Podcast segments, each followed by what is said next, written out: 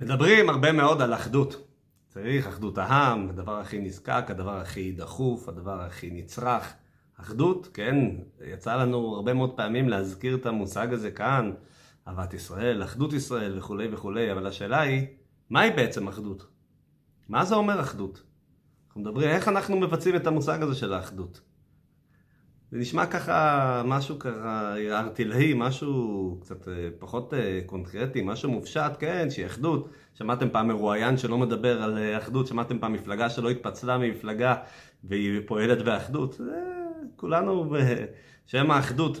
אז מהי בעצם האחדות? מה יותר מתאים מאשר חג הסוכות שממשמש ובא, שהוא מסמל, הוא הסמל של האחדות, וכולנו מכירים, כן, אנחנו יודעים, כן, ארבע סוגים, ארבע זה, מעבדים ביחד, זה נשמע לנו...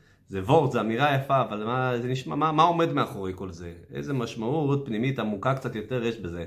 בכלל צריך לזכור שכל החגים האלה, יש להם אה, מכנה משותף. המכנה המשותף הוא עניין של האחדות פה. גם בראש השנה זה תקיעה אחת, גם ביום כיפור זה כהן, איש אחד, יום אחד בשנה, נכנס למקום אחד, זה המשמעות, בבסיס של הדבר. וכמובן, חג הסוכות, קרואים כל ישראל לשב בסוכה אחת, אמרו חכמינו, זיכרונם לברכה. אומרת, תאורטית לא היו מקימים אה, באיזשהו עיר אוהלים, איזשהו מקום, באיזה נווה מדבר, לא יודע איפה, סוכה אחת ענקית, כל עם ישראל יכולים, זאת אומרת, כל עם ישראל יכולים, רשאים, שווים, שווה ערך בפני הסוכה. אברהם אבינו נכנס לסוכה, או יהודי הכי פשוט נכנס לסוכה, אותו מצווה, כולם מחויבים באותו דבר, באותו משמעות. אז אנחנו יודעים, יש סיסמה, אוהבים להגיד אותה תמיד, כן, אין אשכנזים, אין ספרדים, כולנו יהודים, אנחנו נעשה נוסח אחד, היו ניסיונות נפל.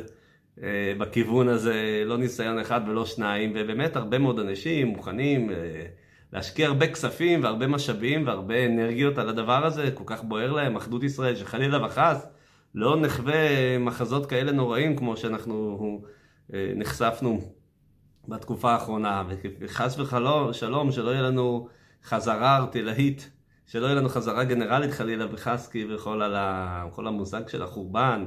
כל אחד מוכן להוציא לעצמו שני עיניים, השם הוא יוציא לשני עין אחת.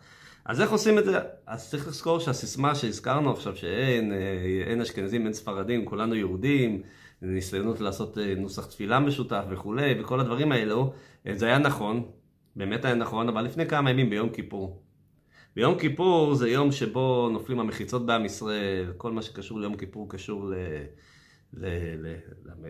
לאחדות של עם ישראל, ואז לא מסתכלים לא על עדות, לא על איזה בגדים, לא איזה צבע כיפה, לא איזה צבע קעקוע, לא איזה כובע, לא אם יש לך הכובע קובע, ולא המעיל מועיל, ולא הזקן, כן? זקן יש גם לטאי שאומר את הבדיחה.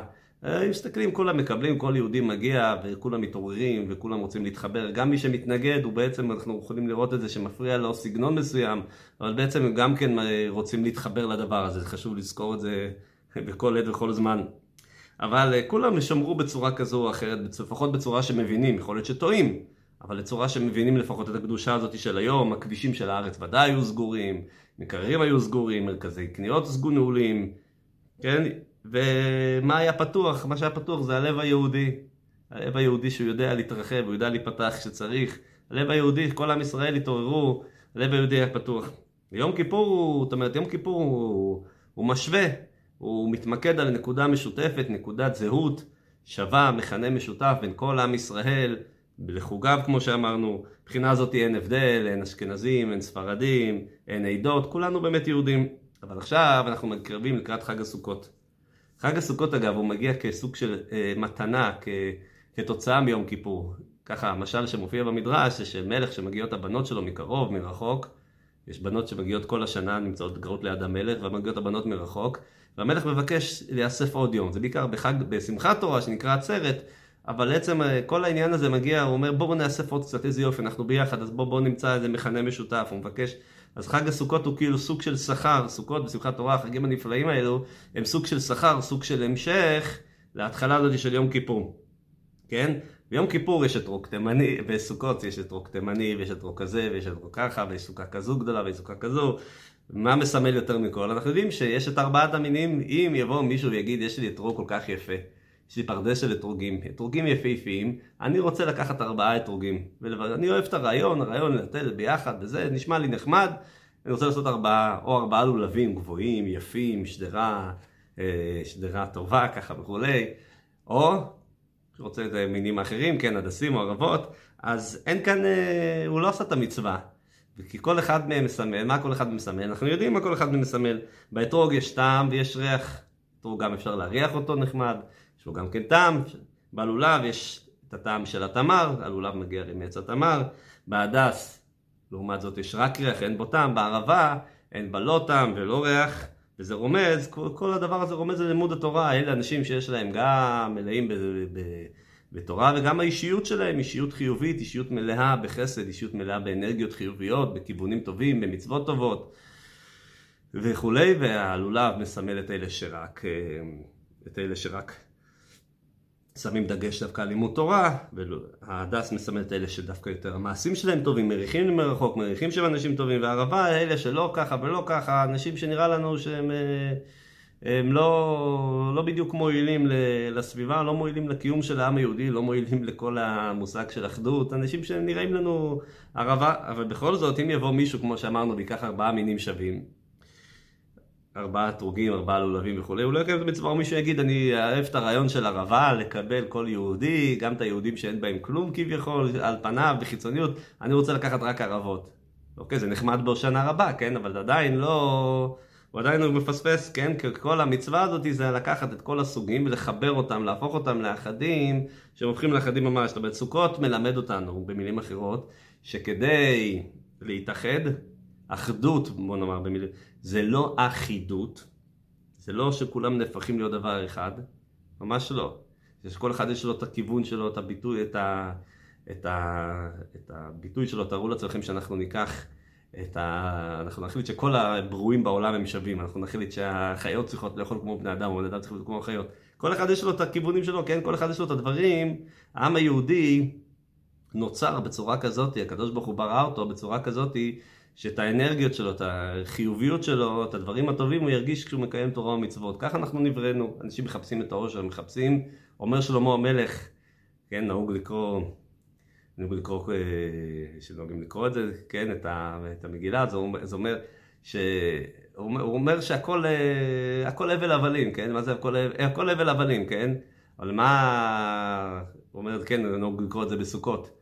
אז אה, מה הוא מצא את העושר שלו? האיש שבדק את כל הנשים בעולם, את כל הכספים שבעולם, כל החוכמות שבעולם, כל דבר שרק יכול לגרום, הוא היה בהכל, ואומר לנו שהכל הבל הבלים, ומה כל סוף דבר, הכל נשמע, את אלוקים ירא מצד ושמור כזה אדם. המסקנה שלו היא שרק ביראת אלוקים אדם מוצא את העושר שלו, את הדבר האמיתי. כשאדם יודע שיש מעליו סמכות, שיש לו תפקיד בעולם, שהקדוש ברוך הוא ברא אותו לא סתם אה, עוד איזה מספר, עוד איזה מישהו, אלא יש לו משהו, משימה קונקרטית בעולם, הוא נועד להכשיר את העולם, הוא נועד לעשות את העולם למצב יותר טוב, אשר ברא אלוקים לעשות, אנחנו אומרים בקידוש. מה זה לעשות? הוא השאיר לנו לעשות, לתקן, לברוא.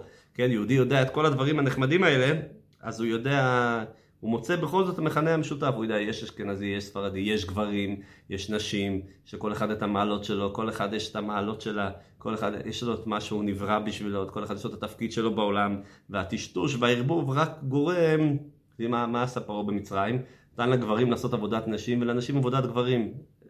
יכול להיות שנשים עבדו פחות קשה, שהגברים עבדו פחות קשה, אבל הם לא עשו את התפקיד שלהם, הם לא עשו את מה שגבר יכול לעשות, מה שגבר ראוי, מה שגבר מוכן לעשות, מה שהוא בנוי לעשות. אז בלמצוא שם, אתם יכולים להסתובב, לעשות סיבוב, סיור, לא סיור סליחות, סיור, אה, סיור סוכות, לראות איך שכל אחד יש לו את המנהגים שלו, את העדות שלו, את התמונות שלו, את החוויות שלו, ופסיפס מרהיב שיש לעם ישראל. תעשו, תעשו סיבוב. תעשו סיבוב, אשדוד עיר שלנו מלאה, וכל הארץ מלאה באלפי אלפי אלפי אלפים של סוכות. ולראות מה שקרה כמו, כמו סימפוניה שהיא כל היופי של הסימפוניה, תארו לעצמכם שכולם, אם זה, אם זה כל כך יפה, למה לא כולם מנגנים משהו אחד? אלא כל היופי של סימפוניה, שזה כל אחד מנגן משהו אחר, כל אחד מבטא את הסגנון שלו, כל אחד מבטא אה, חשיבה אחרת, כל אחד מבטא קול אחר, אז זה יוצא משהו מיוחד. למה חשוב כל כך להתאחד? אתם יודעים, בוא נגיד אני לא רב עם אף אחד ואני לא מתאחד עם אף אחד. תארו לעצמכם שמישהו מהתזמורת הסימפונית, שהתפקיד שלו זה לעשות קול כזה וכזה, בזמן כזה וכזה, יעמוד בכיכר ויעשה, וכולם מדברים עליו שהוא הנגן מספר אחד בעולם, הוא יעשה את הקול הזה והזה, בזמן הזה והזה, אף אחד לא יבין מה הוא רוצה מהם. הקול הזה, הקול הספציפי שהוא עושה בזמן הספציפי עם הייחודיות שלו, היא דווקא כשהיא משתלבת בתוך כל ההרמוניה. בלי כל ההרמוניה, היהודי לבד, הוא יגיד, אני לא רב עם אף אחד, אני לא צריך להשאיר עם אף אחד. לא, צריך לפעול. אם יש שנאת חינם, צריך להיות אהבת חינם. זאת אומרת, לעבוד באותן אנרגיות, באותן כוחות, באותן אה, אכפתיות. כמו ששנאת חינם מכלה כל דבר, אז, אז אהבת חינם צריכה לכלות כל דבר, לכלות את הרוע. אנחנו מחברים את ארבעת המינים. הגיע חג הסוכות, השנה אנחנו לא נעשה בשבת. בעזרת השם נעשה בבית המקדש, כן עושים בשבת, נזכה באמן ואמן. אבל כשיש בינינו חילוקים של מנהגי, חילוקים של דעות, לכבד אחד את השני, שיהיה לנו הבנה עמוקה, שכל אחד יש לו את היתרון, וכל אחד נותן פה עוד משהו, וכל אחד שם דגש על איזה משהו, וכל אחד יכול להעניק ולקבל אחד מהשני, מה שנקרא, איזו חכם הלומד מכל אדם. על ידי זה אנחנו נזכה, שאנחנו נבין שאחדות זה לא אחידות, אלא אחדות הפירוש הוא שאנחנו, כל אחד יש לו את התפקיד שלו, את הייחודיות שלו, את הממש... והוא מממש את הייחודיות שלו דווקא כשהוא עושה את מה שהוא צריך, ובכל זאת מקבל את האחר, כמו ארבעת המינים, אז אנחנו נזכה בעזרת השם, אמן ואמן, לפני חג הסוכות הזה, נזכה כבר לגאולה שלמה, אמן ואמן, חג שמח, שנה טובה לכולם.